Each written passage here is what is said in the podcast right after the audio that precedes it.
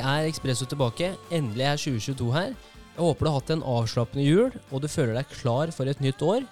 Før vi tar fatt på året og hopper rett inn i det, vi har mange interessante personer og intervjuobjekter lina opp for de neste månedene.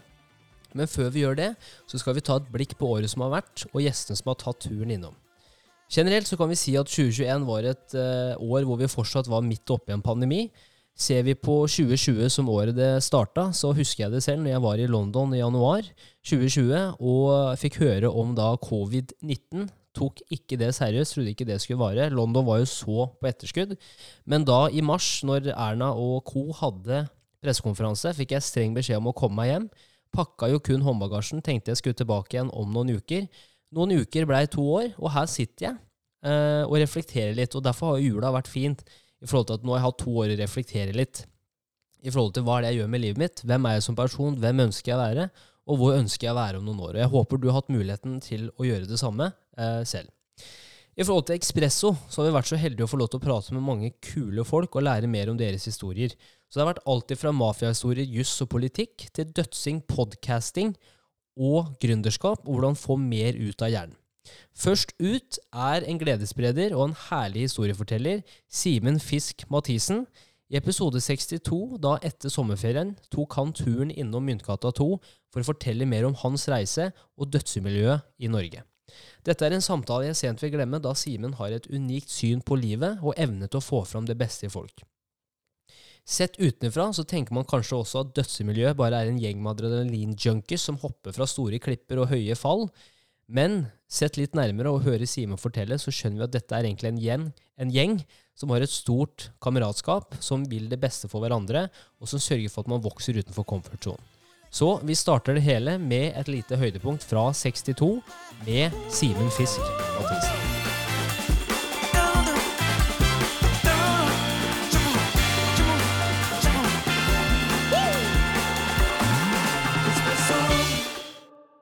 Men uh, så skal du høre noen historier, da. Er det du sitter og venter på? Du ser jo, Det er som julaften for en liten unge. Jeg sitter og venter på å få åpne pakkene.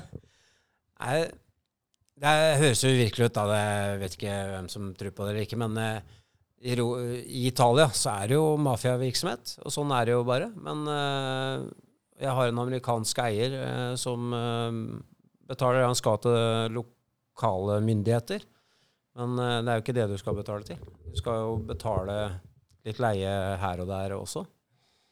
Som jeg forsto, da. Jeg vet jo ikke hele sannheten her. Men uh, han var ikke så villig til å, til å strø de pengene. Han uh, likte å strø dem til vårs eller til seg sjøl. Så, så, vi ble plaga litt av politiet, da.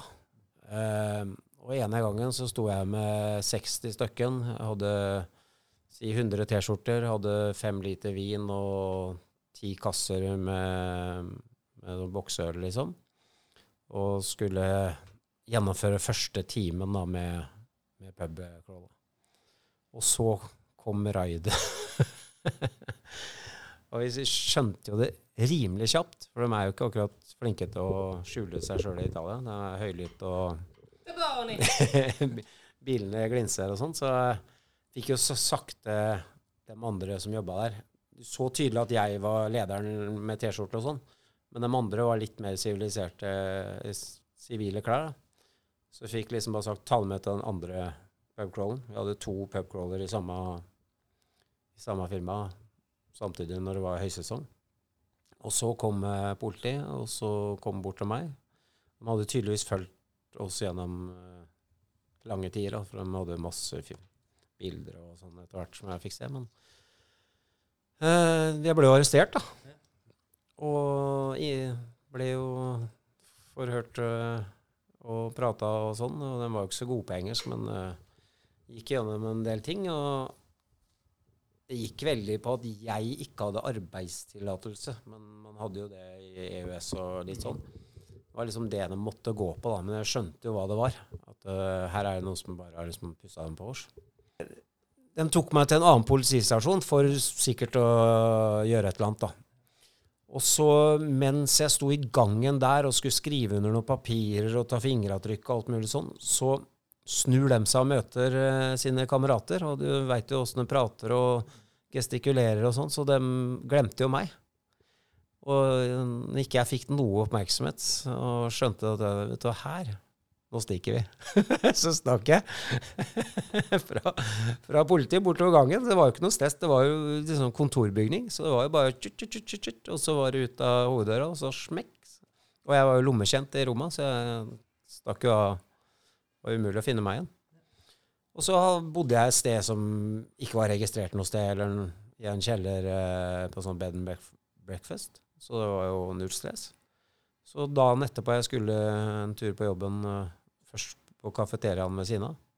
Så går jeg ut av døra, så står, sitter de på panseret på politibilen sin og venter på meg. De to gutta som hadde mista meg dagen før.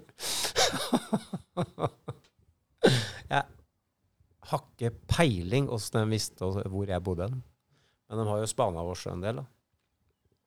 Så eh, det var ikke noe god stemning, da. Men eh, ble skitta inn i bilen og kjørte kvinnefengselet.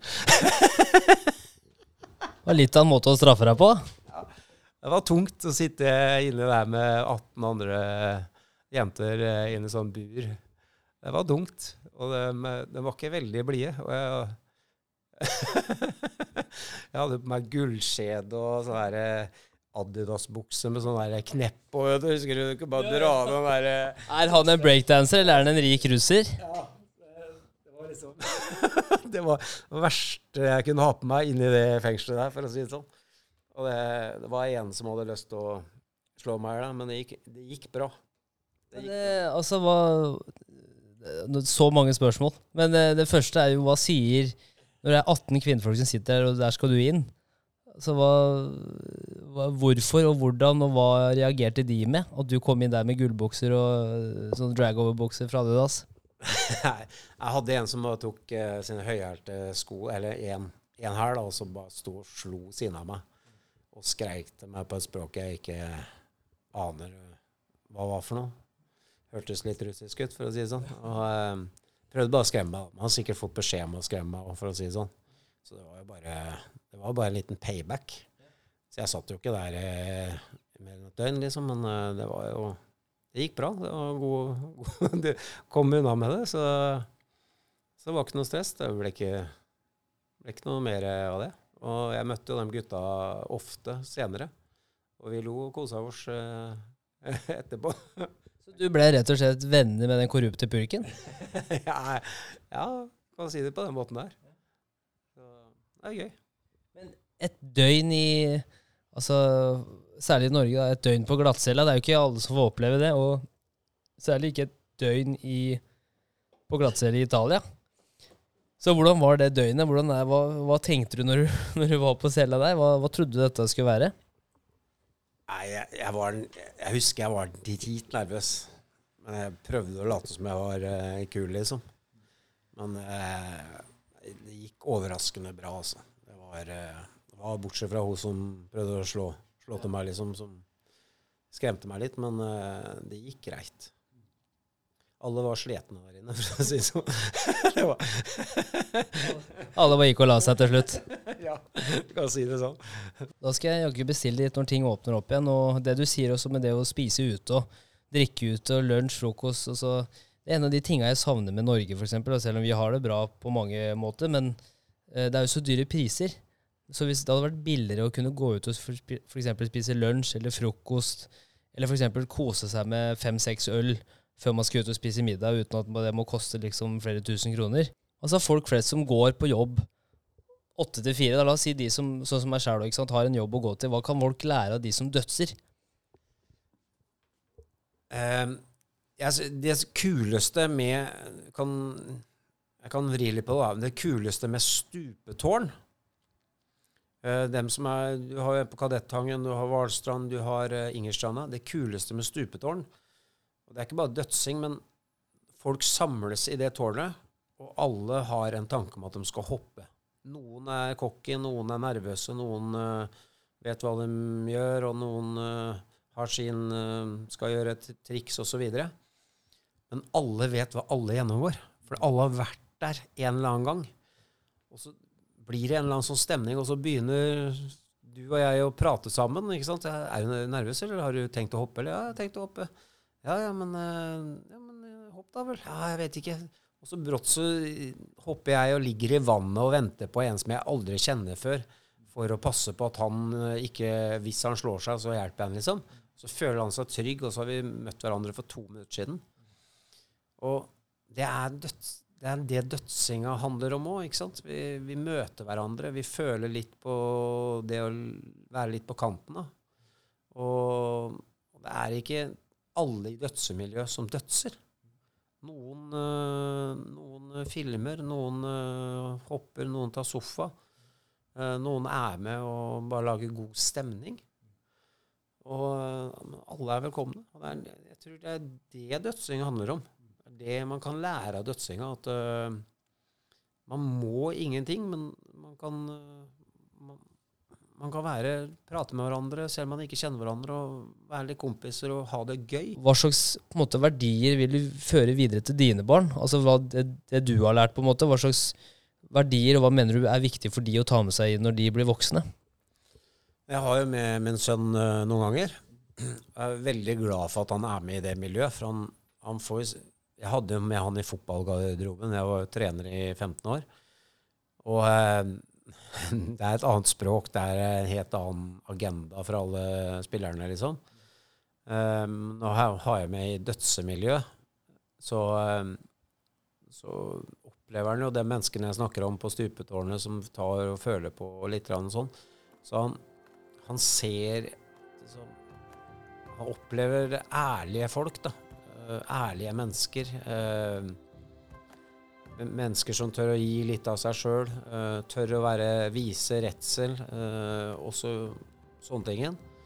Det, det, det, er det jeg vil at han skal få med seg. Det er derfor jeg vil ha, ha med så mye som mulig. Da.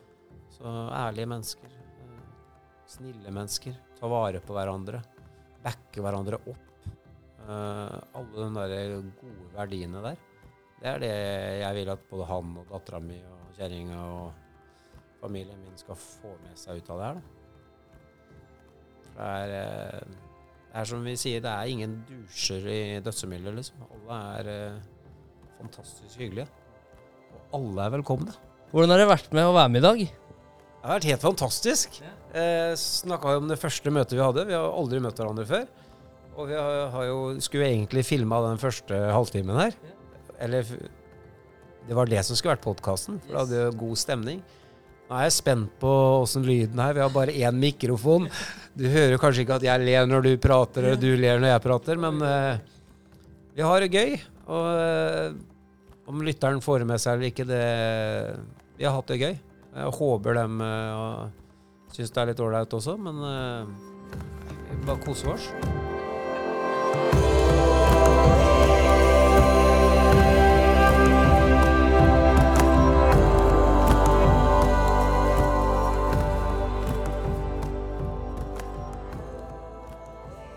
Personlig økonomi. Hva er ditt forhold til det?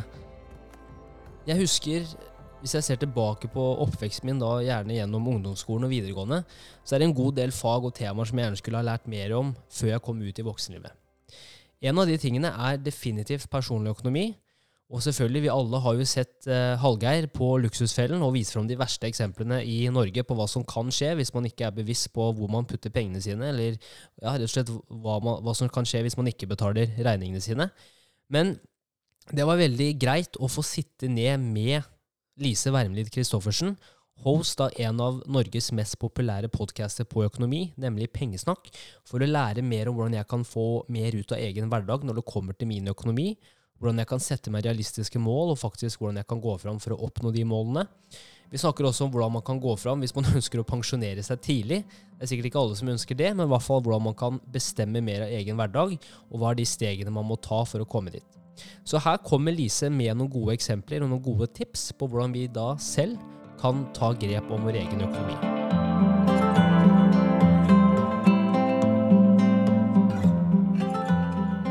Sånn som eh, samboerkontrakt og skattemeldinga, altså, hvor vil du anbefale at folk begynner? Altså, hvis det er liksom én ting med personøkonomi som du bare må få på plass først, da, på en måte, hvor er det man bør starte? en bufferkonto. Mhm. Det er så viktig å ha noen penger tilgjengelig. For det skal så lite til da, hvis du ikke har noen penger på noen kontoer, og så skjer det en ting som koster Det trenger jo ikke være en sånn kjempedyr ting, men hvis den koster 7000, da, Mhm. og du har bare 1000 kroner igjen, hva gjør du da? Ja. Noen kan jo ringe pappa, og så ordner det seg fra måned til måned. Ja. men for det første er jo ikke det bærekraftig for deg selv. Eller for pappaen din, hvis han skal hele tida måtte ut med beløp hver måned. Nei, ehm, Og så begynner man gjerne med kredittkort. da. Og mange ser jo på den saldoen på kredittkortet som tilgjengelige penger. Og da er det allerede litt feil ute, da. For Ja. da lever du alltid i etterkant. Og selv om du tenker jeg er flink å betale kredittkortet hver måned, Ja. hvis mye av lønna di går til det, så må du jo bruke kredittkortet igjen neste måned. Ja. Og da er det jo alltid bakspeilet du titter, da. Og da blir det vanskelig å oppnå noen mål i framtida, for da må du jo faktisk havne i pluss hver eneste måned helst Yes. for å kunne spare opp. Jeg har jo hørt flere historier hvor, eh, hvor, hvor folk på en måte ser på kredittkortet som er sånn Ja, jeg trodde det var penger vi fikk, jeg. Vi fikk liksom 20 000 i måneden vi kunne bruke. Og så på en måte Det er jo, og jeg tror jo også det er jo en grunn til at kanskje liksom Kanskje 60-70% av de er veldig gode til å betjene kredittkorta, men så har du de 30% som bankene vet å nyte godt av, da. Som eh, får, eh, holdt jeg på å si, tvangsmult. Ikke så ille, men de får på en måte løpende renter. Ja, det er eh, ille. Fordi det med økonomi ikke bare Å ja, jeg har dårlig økonomi. Ferdig med det. Det å ha dårlig økonomi og betalingsproblemer, det begynner etter hvert å påvirke alle områder av livet ditt. Ja. Og det blir så hemmende. Og forskjellen på minus og pluss er egentlig så liten. Ja. At de tingene du kan gjøre for å være på plussida, det krever jo innsats, Ja. men ikke så stor innsats at det ikke er mulig for Nei. den jevne nordmann. Nei, så Man ser jo også nordmenn eh, i forhold til Skandinavia, så vi er jo ganske høyt oppe når det kommer til forbrukslån. Altså, Det er jo morsomt, eh, interessant også når du på en måte hver gang på Luksusferien så ser du Hallgeir Er du klar over mange kuer det i løpet av året? Altså. Det blir jo det blir jo ganske fascinerende å se. Altså, Det er ganske store beløp det er, snakk om, og veldig ofte så på en måte putter man eh, putter man regningene i skuffen. Nå får man jo selvfølgelig over nett, og sånn, så det er ikke så mange som gjør det lenger. Men det er jo sånn, det er jo fort gjort å bare la den ballen rulle. Og Eh, der også nedover. er det jo mange som tenker at ja, det er jo de store tinga. Det er jo huset, og det er bilen, og det er de tinga som koster penger. Mhm. Ja. Men så ser man jo at svaret ligger i forbruket. Ja. Så det er den daglige driften av økonomien som er en mye større faktor på Ja. din økonomi enn det mange tenker over eller tror. Og jeg leste jo også, Det var jo en artikkel i DM, men det var jo et år tilbake, jeg tror det var før korona, eller kanskje det var under korona, når det sto om hvordan man sparer seg til å på en måte, holdt jeg på å si, gå av med pensjon tidlig, om du vil. da.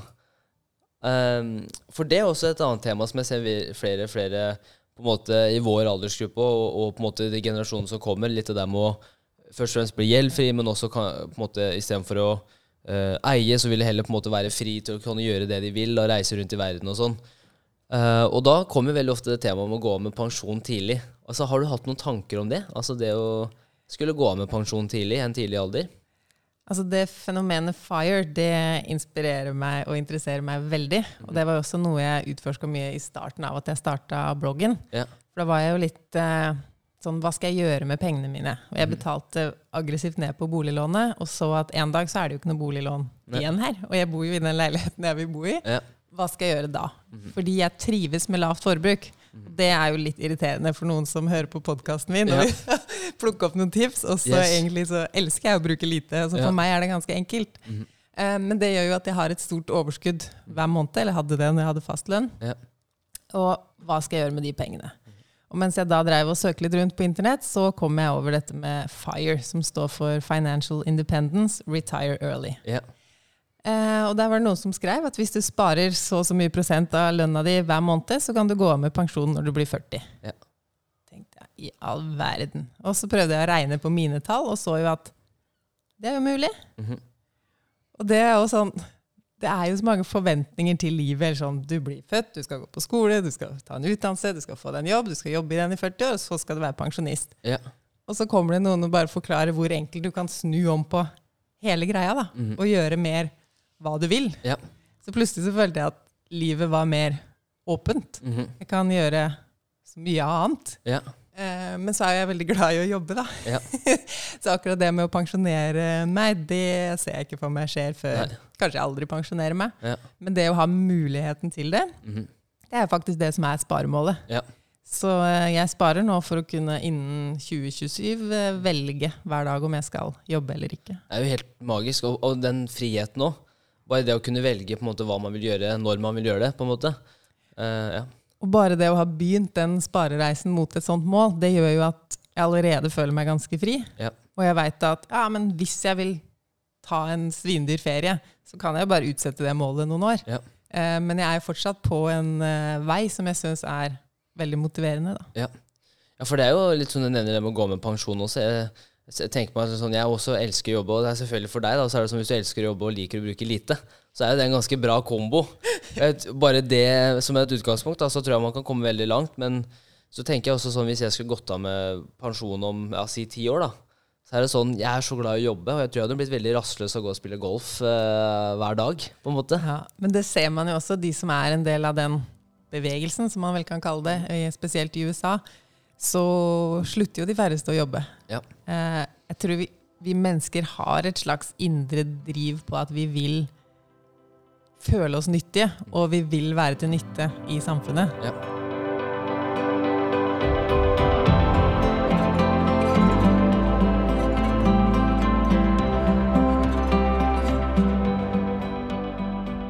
Wolfgang V. Artist, produsent, radiovert og podcast-host. Podcasten hans, Wolfgang V Uncut, begynner nå å bli en av Norges mest populære podcaster. Og som en person som har drevet med Drevet med? Veldig svensk det ble her nå, men vi prøver det igjen. Med en person som har drevet med podcast selv i nå ett og et halvt år, var det forfriskende å høre om Wolfgangs egne erfaringer med nettopp det å drive en podcast, ting som er viktig å være bevisst over når man starter, men også forståelse om at ting tar faktisk tid, og det er først nå, etter to og et halvt år, at det virkelig har løsna for Wolfgang V selv. I intervjuet så snakker vi egentlig om alt og ingenting. Vi snakker om hvordan man kan få mer ut av egen hverdag, personlig utvikling, life hacks, Wim Hof, pusteteknikker, teipe munnen om natta, isbad, effektene og fordelen som kommer med nettopp det her. Og det er nettopp det du skal få høre om nå. Er Wolfgang fortelle om hans erfaringer med dette, og kanskje hva vi selv kan begynne å anvende i vår egen hverdag. Dette er hentet fra episode 70 med Wolfgang.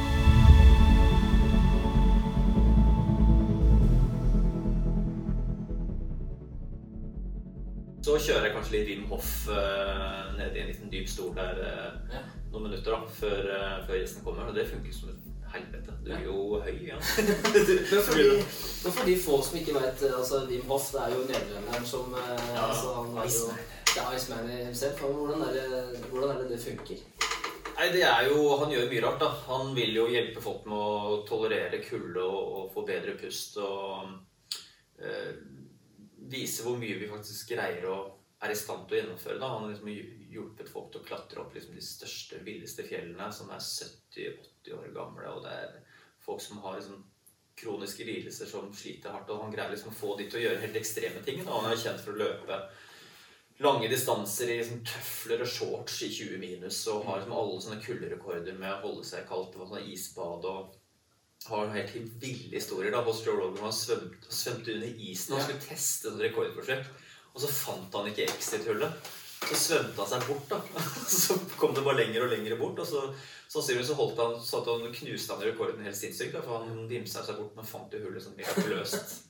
Så det er jo, men det, det, er jo, det, det er jo de to tingene han prøver liksom å preache mest. Det er jo det pusteteknikkgreiene som får deg til å stresse ned. og Veldig mange spennende på en måte, aspekter der. da. Uten å liksom, jeg er ikke så oversiktlig og liksom vitenskapelig som han hevder og, og forska på og, og mener er bra med det. Men eh, jeg, jeg syns personlig at det funker veldig godt for å stresse det ned.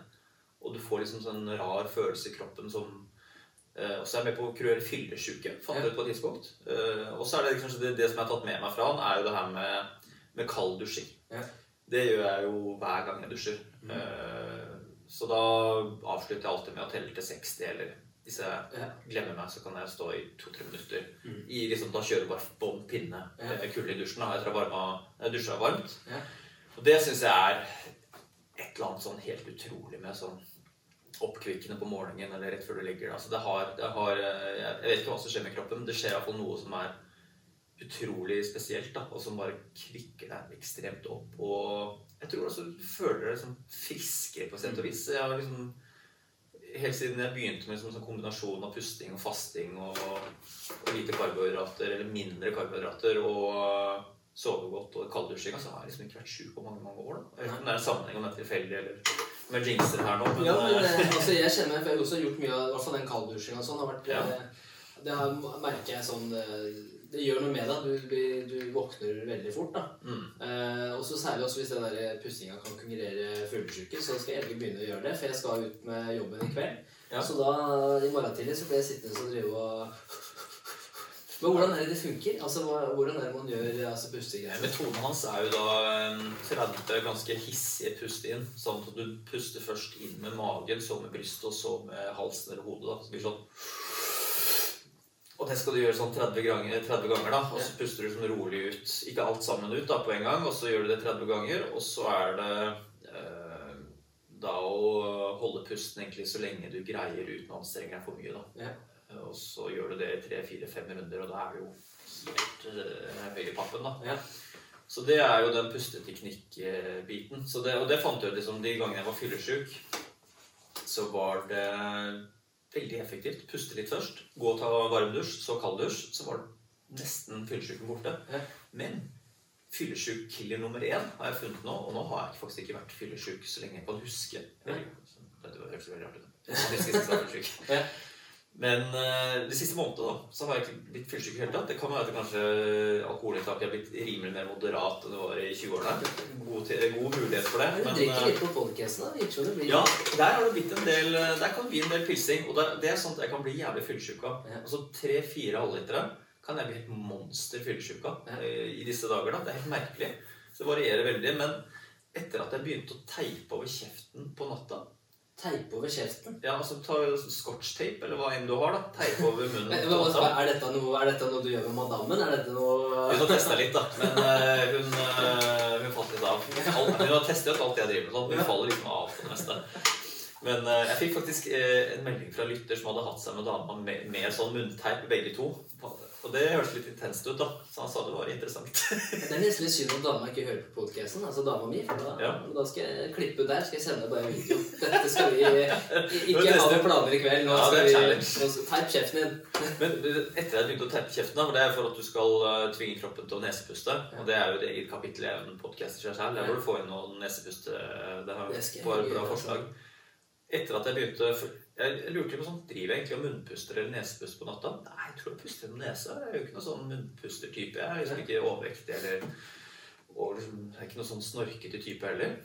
Og men så ble jeg jo ferska i at snor- at jeg pusta med munnen som dama. da, Og at jeg hadde noe sånn snorketak underveis.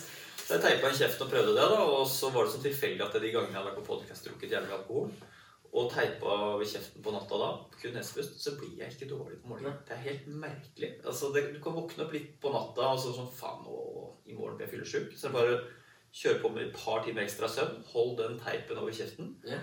og puste gjennom nesa gjennom hele natta, så altså, er det en sånn fyllesyk-reducer som jeg ikke har vært borti i magen. Ja. Altså.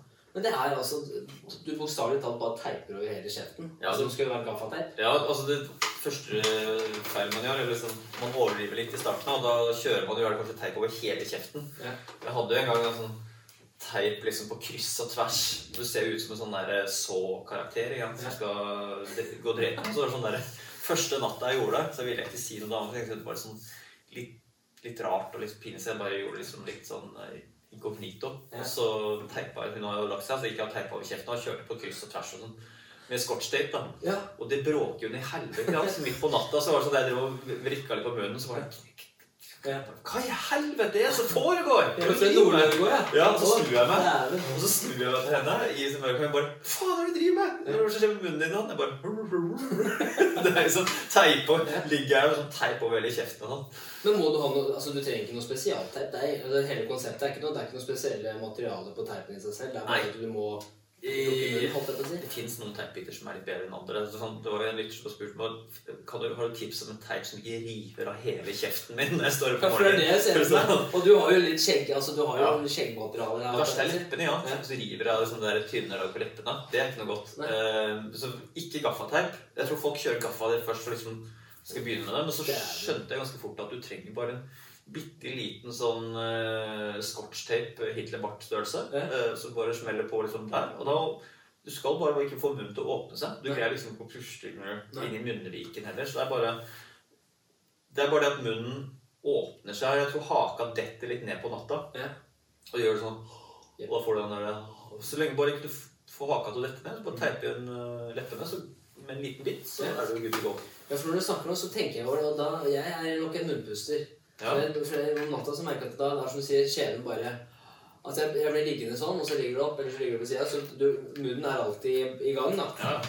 Så det blir spennende å se altså bare i forhold til Hvis du lukker munnen helt, da om du Mm. ja, For det er jo ikke Tenk hvis du ikke klarer å få til å puste med nesa. Hvis du blir helt eh, Ja, da, det, da du, liksom, det er det du må trene opp. da. Ja. Uh, Med mindre du har noe alvorlig feil med nesa di, så er det jo uh, så, så blir du bedre til å puste nese jo mer du gjør det. Det er liksom muskelgreien. Uh, Så det og det, det, det å gjøre det på trening og alle mulige sammenhenger, det er, det er jævlig bra. Altså. Ja. Det, og så blir du jo Du kvitter deg med mye med mye oksygen da, og, og CO2 når du puster ut så mye gjennom munnen. Og da blir du jævlig tørst. Du får en del sånn faktisk litt væsketap av å, å sove med munnen åpen, så du blir ikke tørst på natta lenger. Du går ikke på do på natta lenger.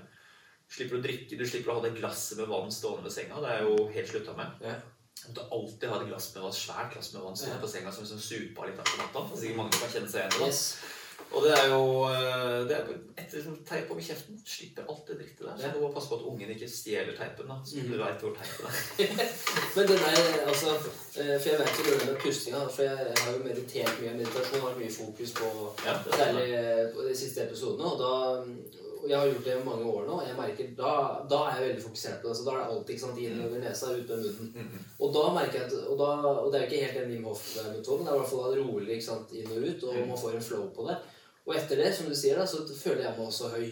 Da føler jeg at det liksom, dæven, nå har jeg energi, og nå er jeg rolig. Mm. Eh, så på en måte energisk, men avslappa. da. Mm. Så jeg kjenner igjen veldig det der med, med nesa, med at det går opp på natta. Det blir, eh, det blir det må du teste ut. Ja. Men det jeg ikke skjønner, er um, Etter jeg begynte med sånn pilates og sånn, så er det sånn det er veldig inn gjennom nesa, men ut gjennom munnen. Jeg skjønner ikke hvorfor man skal puste ut gjennom munnen. Jeg har ikke fått noe, ikke fått noe klart svar på det, for det blir jo bare pust, Istedenfor å puste ut igjen med nesa også, så slipper du det der væsketapet og blir tørr i kjeften og får dårlig hånd. Jeg tror man får Ja. dårlig hånd av å puste med munnen. da. Ja. Så det er Det eh, er interessant. ja, jeg, jeg skjønner ikke hvorfor yoga og pilates liksom skal puste gjennom nesa og ut med munnen. Jeg bare puste. Jeg puster bare inn og ut med nesa. og Så tenker det er det mest effektive. Om det er en liten bias for å gjøre Men så er det så gammelt. Ja, så sånn, hva faen, De må jo vite hva de driver med, de her folka som har gjort det her i tusenvis av år. Yes. Det er jo gammel lærer. liksom. Men det er jo, kanskje det er noe med at man da får man lufta eller oksygenopptaket gjennom lungene og hele, hele veien ned. Kanskje det er noe med det òg? Det er jo liksom at luften skal ut da, gjennom munnen. Får det til med nesa. Altså. Så vel så effektivt, da. Jeg vet ikke. Nei, men det der er- det skal jeg gjøre litt research på. For Ja. det, og det er jo så, som du var flere ganger på Joe Rogan og, og Huberman podcast og disse Ja. podcast-formatene, så snakker vi ofte om det med pusten. At på en måte pusten er det mest undervurderte verktøyet du har da, for å egentlig få kontroll på energien din og Ja. hverdagen din også. Mm. Så, og jeg tror, jeg tror det er veldig undervurdert, for at det er veldig ofte så tenker man jo på det eksterne ting i ikke sant, idrettsprestasjonsfremkallende midler og det ene og andre, hva du kan gjøre, og kaffe og Men så er det veldig sjelden man faktisk eh, titter innover da, Ja. og gjør det. Så den er ikke dum, altså. Ja. Nei, det er bare å sette i gang med. Altså, det er, um, jeg prøver jo, det, det hardeste er jo å jogge med nesepust. Ja. Det er ganske tøft. De første gangene så føler du at du skal dø. Så det er bare å komme seg over den terskelen der. Men uh, når du først behersker nesepust på skal vi se, medium intensitetsjogging det er, altså, Og du gjør det nå? ja, det kan, altså, nå ikke, akkurat nå så er jeg ikke i sånn fantastisk form, men uh, det er såpass sånn vant til å få nok luft inn, da. Ja. At det Jeg foretrekker det, og når du først liksom behersker det og får det til, så er det helt strålende. Det er dritdeilig. Men når du spiller fotball, da, så er det, nest, det er helt umulig å nesepuste. For når det blir intenst, når du skal spurte, så greier du på å. Det er, det er for, eh, for vanskelig. Det. Nei, det, det der det skal jeg faen meg prøve. Og se For jeg har gjort det noen ganger, men da er jeg ubevisst da, at jeg pusta opp nesa. Og da er jeg borte etter et par minutter. Altså, jeg, da blir jeg så sliten. Jeg klarer jeg på kontroll. Så det der er- man må jo bare utsette seg selv for det. da. Ja, du må bare prøve det ut. Og så må man like synes det er interessant òg. Da det så kan du bare fortsette med det gamle du har gjort. Ja. Så er det sånn, der, sånn, sånn løpetriks også, pustetriks, hvis du løper på sånn 50-70 eller noe. da. Mm. Så er det sånn der du skal trekke inn to ganger òg, visstnok. da. Ja. Via han der Huberman. Det er jo sånn der Yep. Litt sånn siste eh, innpust med nesa for å åpne opp noen greier i lungene. Mm. og, og. Så Jeg prøvde jo det litt. da, jeg vet ikke, sånn, Når du- når du går på joggetur, da, så plutselig så blir du så opptatt av den nesepustinga Ja. og puste inn og liksom skrittene det skal være riktig. At jeg glemmer liksom å kose Det meg. da. Det blir jævla mye å tenke på da. Det blir mye, og så er det oss mannfolk, det er vanskelig for oss å multitaske hvis vi blir flere ting. Da, da blir det vanskelig. Ja, de sier det. De sier det så. Jeg syns ikke det er så vanskelig å multitaske, men vi gjør jo ganske mye multitasking eh, ifølge han da. Ja. Så vi, vi må ikke selge oss selv ned på multitaskinga.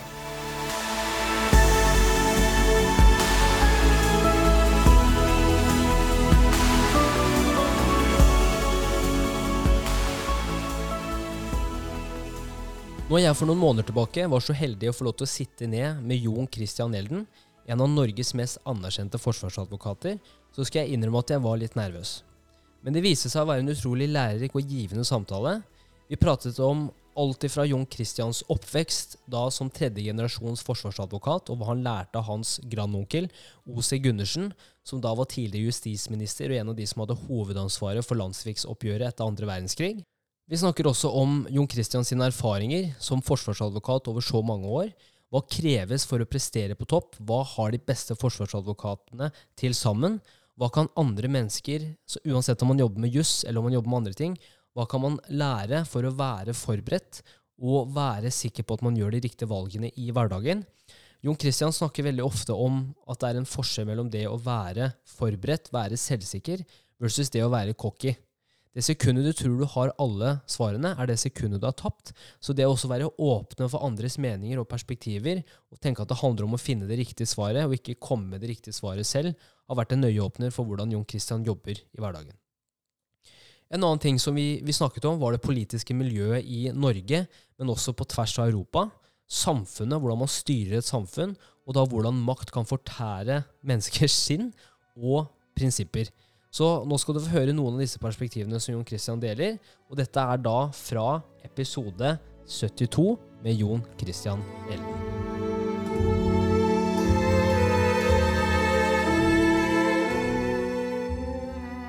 Og det er også noe som jeg tenker litt ofte over noen ganger, er jo at det her er jo ikke 100 år siden engang.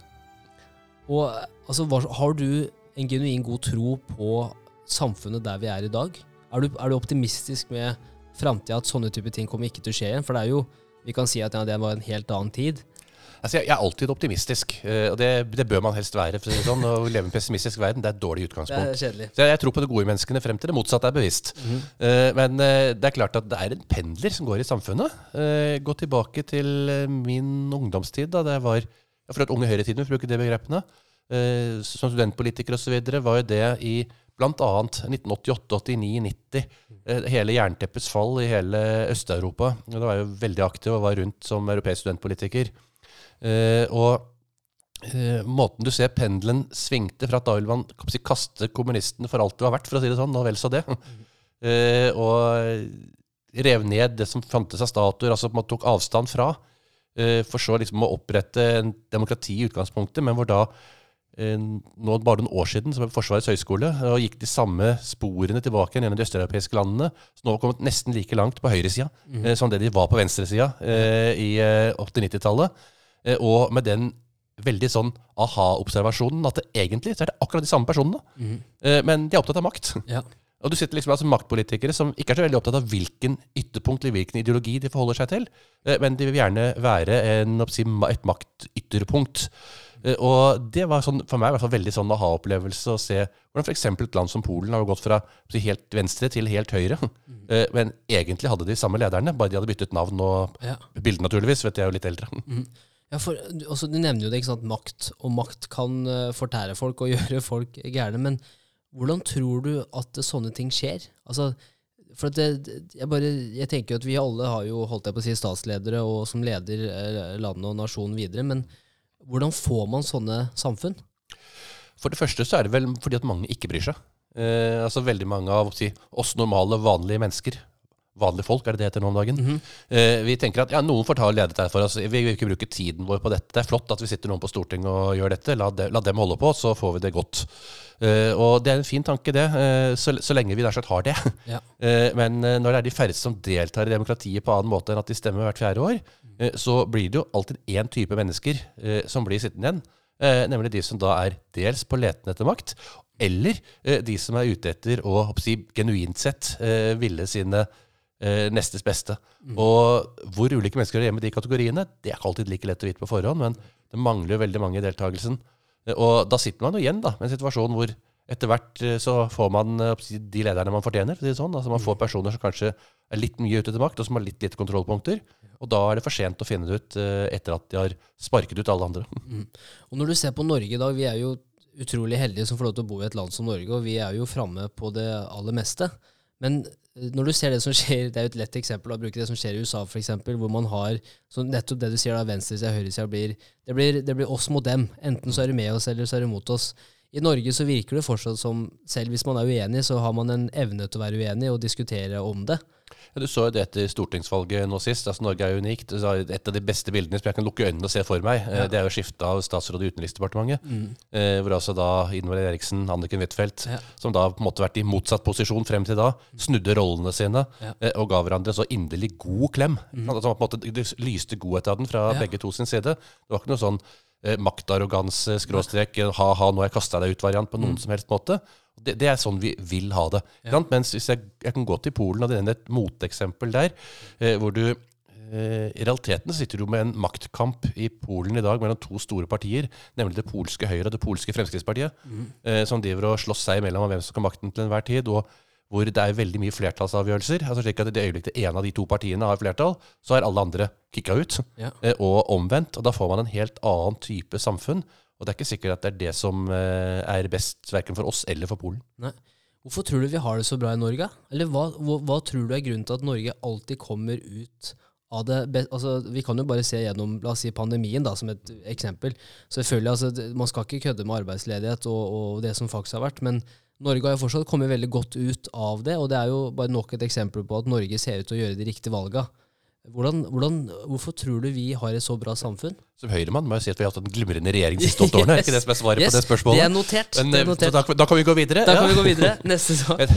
Men, jeg kan si det på en annen måte. Det er jo fordi at vi er et lite land, eh, og det er kanskje vel så viktig. Eh, Vi er ikke der hvor alle kjenner alle, eh, men vi er der hvor veldig mange kjenner veldig mange på en positiv måte. Altså slik at eh, det er ikke så mye som gjøres i dølgsmål skjult. Man er mer åpne, man ser hverandre i kortene. Eh, Det tror jeg er ganske sunt i et, eh, en politisk eh, verden. Og så er det ikke de store uenighetene. Vi har fløypartier, det skal vi ha, og de skal på en måte dra alle oss andre i ørene.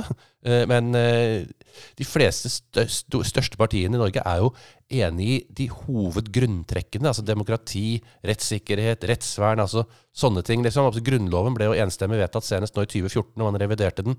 Altså, steder hvor andre land kan være i dype nasjonale konflikter, så har vi en grunnleggende enighet. Og det tror jeg er ganske sunt for hvordan samfunnet drives videre. Ja. Vi fikk et nytt statsbudsjett nå tre uker etter at det forrige ble lagt frem. Eh, Det er klart det er symbolendringer, men hele grunnprinsippet i statsbudsjettet, totalrammen, lå helt fast fra den ene til den andre regjeringen.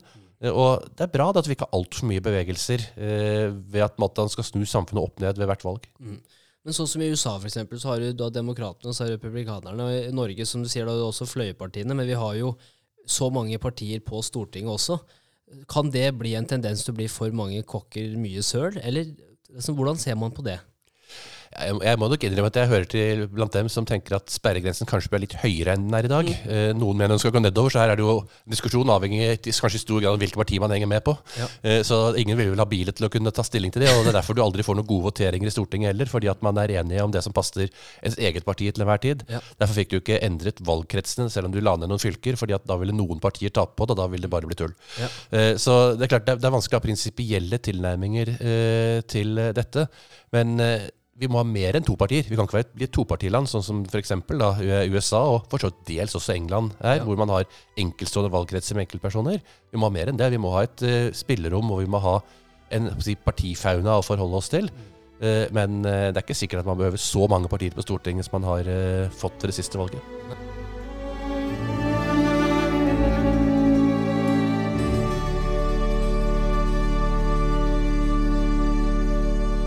I episode 73 så satte jeg meg ned, hadde en hjernedate med Frank Vedde, hvor vi da pratet om hjernen og hvordan vi kan få mer ut av den i hverdagen. Ofte så snakker vi om fysisk trening og hvor viktig det er for menneskers velvære, men det er ikke like ofte vi hører om hjernetrim, og hva slags triks og verktøy man kan bruke for å få mer ut av egen helse og få mer ut av hjernen. Nå skal du få høre Frank dele sine perspektiver, men også komme med et lite eksperiment som jeg syns var fascinerende å lære mer om. Dette er Frank Vedde, tatt fra episode 73 av Expresso. Hvis jeg skal nevne til et, et dyreeksperiment, og det, det eksperimentet her fikk jeg fortalt av min, min, et av mine forbilder, Tony Busan, som var grunnlegger av VM hukommelse, fant opp mindmapping osv. Ja. Jeg var så heldig å jobbe som hans assistent et par år. Ok, Det må vi snakke litt mer om, men eh, ok, fortsett. Ja, så Han fortalte meg dette, dette eksperimentet. her, Da, da satt vi og feiret en, en boklansering eh, på Theatercaféen. Han var på en turné her i Norge. Og jeg, jeg hadde gleden og noen ganger også ergrelsen av å jobbe som assistenten hans. Da, for han kunne være ganske hard innimellom. Ja. Men så sa han Frank, nå følger du med. Og det var fordi at jeg hadde fått gratulasjonsmeldinger fordi vi hadde vært på TV og alt sammen. Eh, og så nå legger du You put that phone down! sa han til meg. Oh, jeg ble litt sånn i, i vakt. Dette her var liksom verre enn faderen. Dette her Ja. er tyst disiplin. Yes. Så jeg la denne telefonen ned, og så fortalte han meg et eh, eksperiment. Og den historien kan jeg nå fortelle til deg nå, og kanskje til, til lytterne også. Ja. Det er tre musebur. Eh, og i det første museburet så har eh, musene så mye å drikke og spise og hvile. De har så mye sex og leke og moro. Du kan mm. forestille deg altså paradis Ja. musebur. Eh, I det andre så har dyrene akkurat det samme, men de får elektrisk støt en gang i timen. Mm. Og i det tredje har musene det samme, men de får elektrisk støt i helt tilfeldige intervaller. Ja. Spørsmålet er som så i hvilket musebur lever dyrene lengst? Det som da er til uh, ditt høyre, Ja. det første, der er det ikke noe støt. Det som er i midten, en gang, støt en gang i timen. Det som er til ditt venstre, helt tilfeldige intervaller. Ja. Hva, hva tenker du? Eh, Min første tanke, bare basert på hva jeg har følt sjøl, så er det at mer betyr nødvendigvis ikke bedre, og at du blir mer lykkeligere. Så jeg kan Mm, anta at mm. bur til høyre, det er kanskje de som lever kortest. Mm. Kan det stemme? Eh, nei, men det, du er ikke alene om å tro det. er mange Nei. som tror det. Faktisk, altså i ditt, til ditt venstre, der hvor du får um, støt, eh, helt tilfeldig intervall, Ja. så døde musene allerede etter tre uker. Det er interessant. Og Jeg liker å ta opp det, den casen der, fordi at eh, Se for deg hva er det som skjer med hjernen din når du helt tilfeldig Ja. intervall får Det er som å dra den der i Las Vegas, den Ja. der, den, hva heter den staken, den der, hvor du, ny runde. Ja, Du er alltid tilgjengelig for å kunne bli sjokka Mm. Eh, I forhold til den meldingen, Du vet ikke om det er negativ like, eller noe som skal ghoste deg, eller, eller hva, hva- som nå skal skje. eller Du får en negativ melding eller ikke. Så det er nesten som å bo i musebur 3, hvor Ja. musen faktisk dør etter tre uker. Mens i det midterste, hvor du faktisk da um, får støt en gang i timen, der levde faktisk musene lenger Ja. enn i paradisburet. Mm. Med andre ord klarer vi å trene hjernen til å gå litt ut av komfortsonen. Nå viser jo faktisk forskningen her at dersom du går ca. 4 ut av komfortsonen, mm. så klarer vi å komme i flow. Ja. Og da vet vi at produktiviteten vår det kan økes med så mye som 500% og kreativ problemløsning går opp med så mye som 700 Ja. Satt det litt på Ja, spissen, er da. ganske, Eh, ja. Klarer du å være i flow hele tiden, så trenger du kun å jobbe én dag i uka. Ja. ja, men det gir mening. Det gir så mening.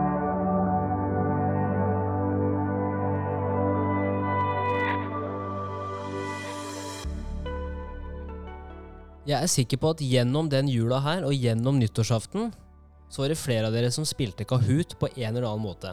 Det var sikkert en generell Kahoot om hvordan året 2021 hadde utfoldet seg. Det var kanskje en Kahoot om hvor godt kjenner du samboeren din, hvor godt kjenner du mammaen eller pappaen din. Men uansett, Kahoot har blitt et verdenskjent brand, og derfor var det stas å få Johan inn i Myntgata 2 for noen uker tilbake, rett før jul. Han fikk en eh, cappuccino og en kokosbolle, og da var energien på topp. Hvor vi pratet om alt ifra reisen med Kahoot og hva Johan gjør i dag, etter Kahoot. Vi prater om hvordan han som 16-åring fant superkraften dysleksi, og hvordan det har preget han årene senere. Vi snakker også om hvordan yngre kan passe inn, og hvordan vi kan sørge for at vi tilrettelegger for ulike mennesker på tvers av samfunnet også.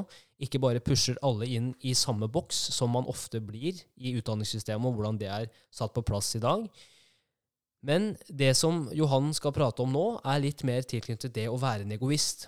Og at det å være en egoist er faktisk noe som er genuint positivt, i forhold til at du, gjør de valgene som er bra for deg, slik at du kan fungere best mulig i hverdagen. Du kan være en best mulig person for andre rundt deg.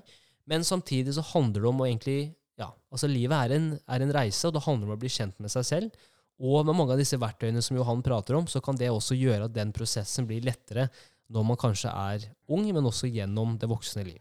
Så det her er Johan Brandt, gründer av Kahoot og We Are Human, hentet fra episode 75 av Ekspresso.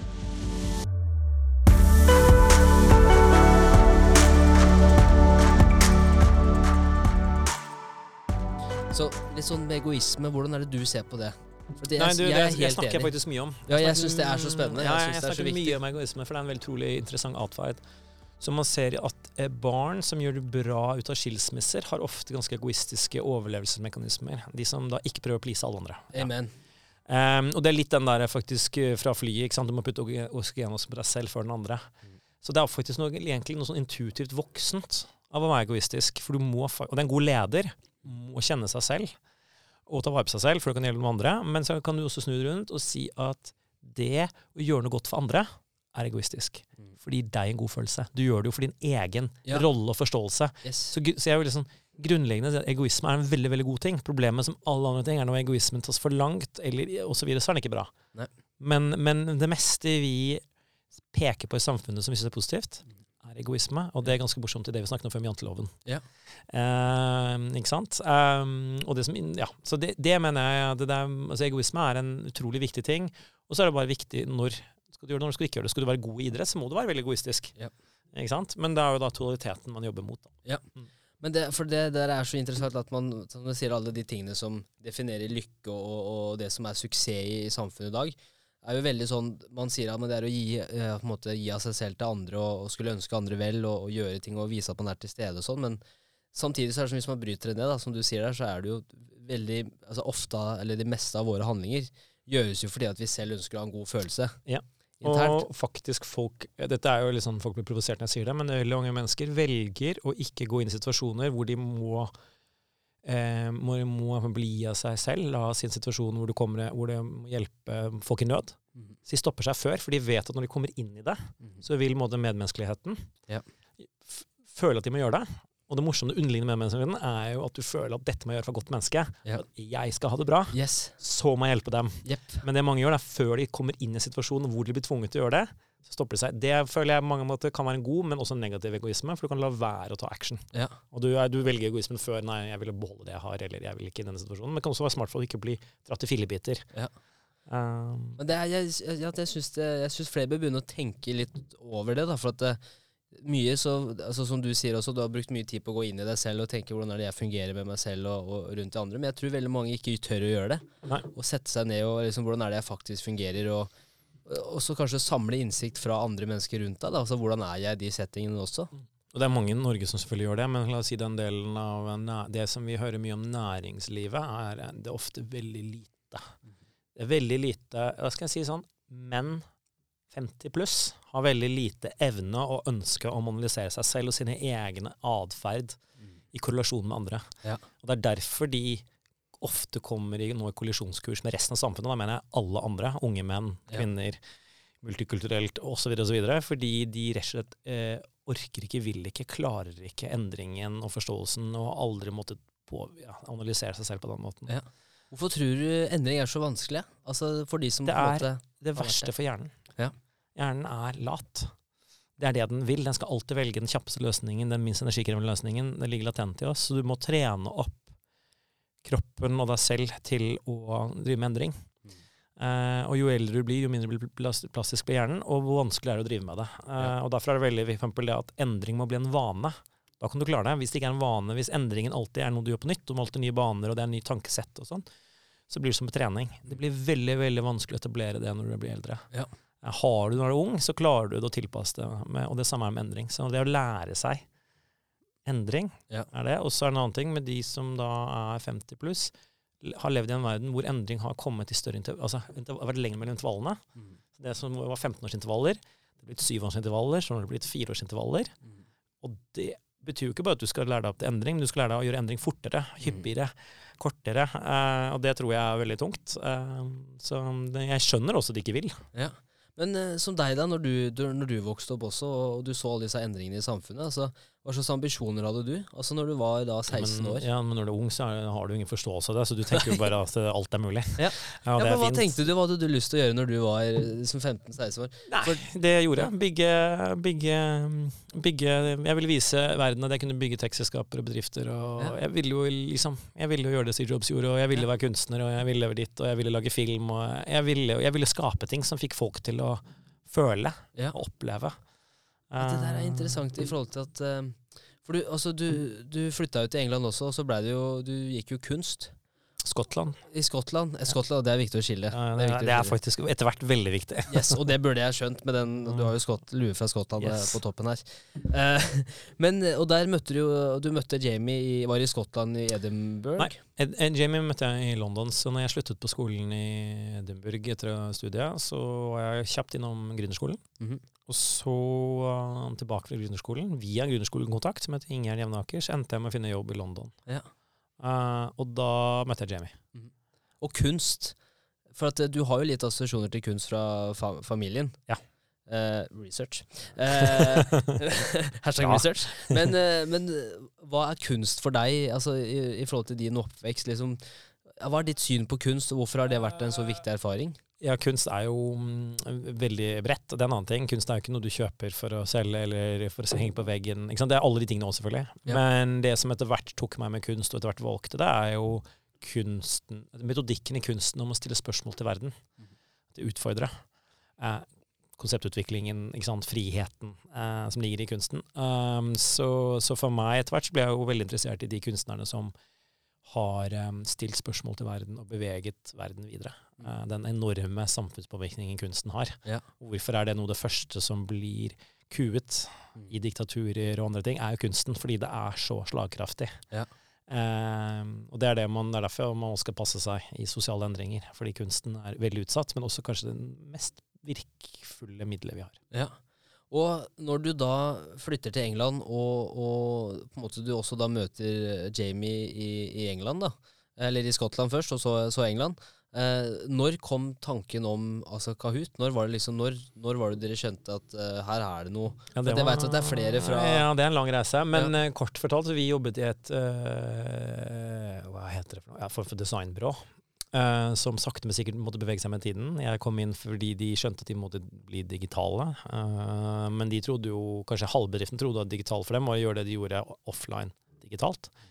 Jeg selvfølgelig med mitt hode og min naivitet eh, prøvde å få dem til å forstå at det digitale ting er jo tjenestedesign det, det, det skal lage produkter. Vi skal ikke lenger liksom designe brosjyrer for selskaper. Vi, vi kommer til å endre selskaper. Ja. Um, så jeg var med på å bygge opp et selskap der jeg var Jamie, og han var nyutdannet, rett ut av skolen, men hadde en enorm evne til å være systematiker eh, samtidig som var kreativ. Så vi lagde et veldig godt samspill. Jeg trengte han veldig for å klare å gjøre mine crazy ting. Og så tror jeg han trengte meg. Akkurat det snakket om han kan gjøre langt, og jeg er kort. Så vi fant en veldig god dynamikk og ble veldig veldig slagkraftige og endte med å gjøre prosjekter langt utenfor vår kalde em, erfaring og alder skulle tilsi, em, som var veldig veldig gøy. Så jeg har liksom jeg tenkte på tilbake i går, for jeg gjorde en liten øvelse rundt verdiskapning. Så sa jeg at jeg har vært med på å gjøre enorm verdiskaping for MTV, BBC, Unilever, em, Mercedes, og alt sammen er rundt når de har gått gjennom store endringer. Ja. Når jeg var med på Hjelp Unilever, så gikk de fra å være kall en usunn bedrift til å bare satse på ting som hadde med godt for menneskekroppen. Ja. Eh, Samme med Daimler. De skulle omstille seg fra at folk ikke kjøpte biler, til at de ble tjenester. Og, ja. Så det har vært veldig veldig gøy, og det gjorde vi ut fra hva som før nesten var litt grafisk byrå. Så plutselig drev vi med sånne ting. Um, så det er da jeg skjønte Jamie. Vi skjønte at vi måtte ut av byrå, og så måtte vi skape vårt eget selskap som kunne lage produkter for den verden vi så komme. Ja. Og da, jeg, på den reisen holdt jeg et foredrag på gründerskolen. Ja. Og da var jeg i en sal som jeg studerte med, som het Emil.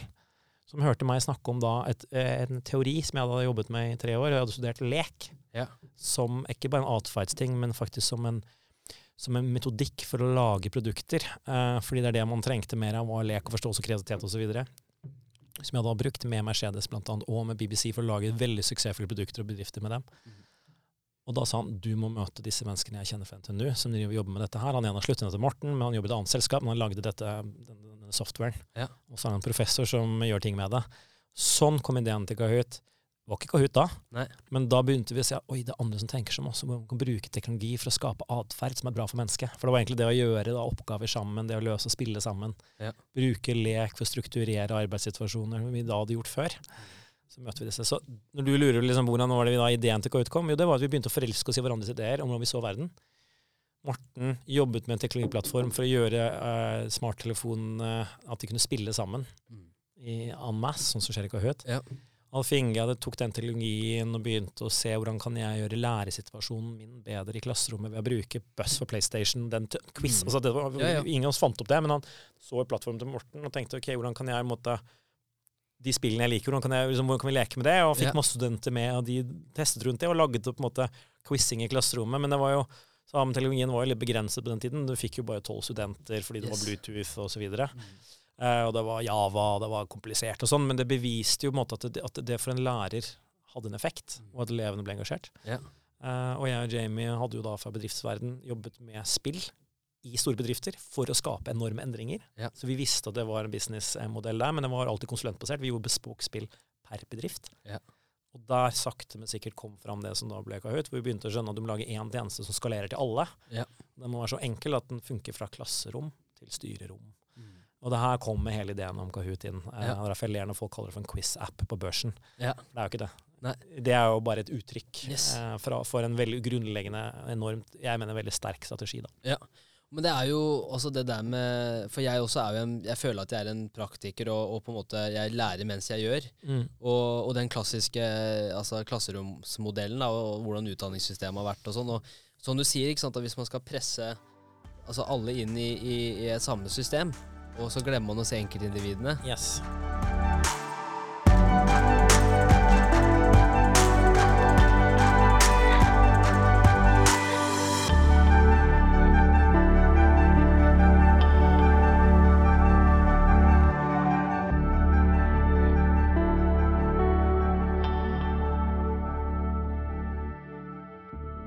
Takk for at du hører på Ekspresso.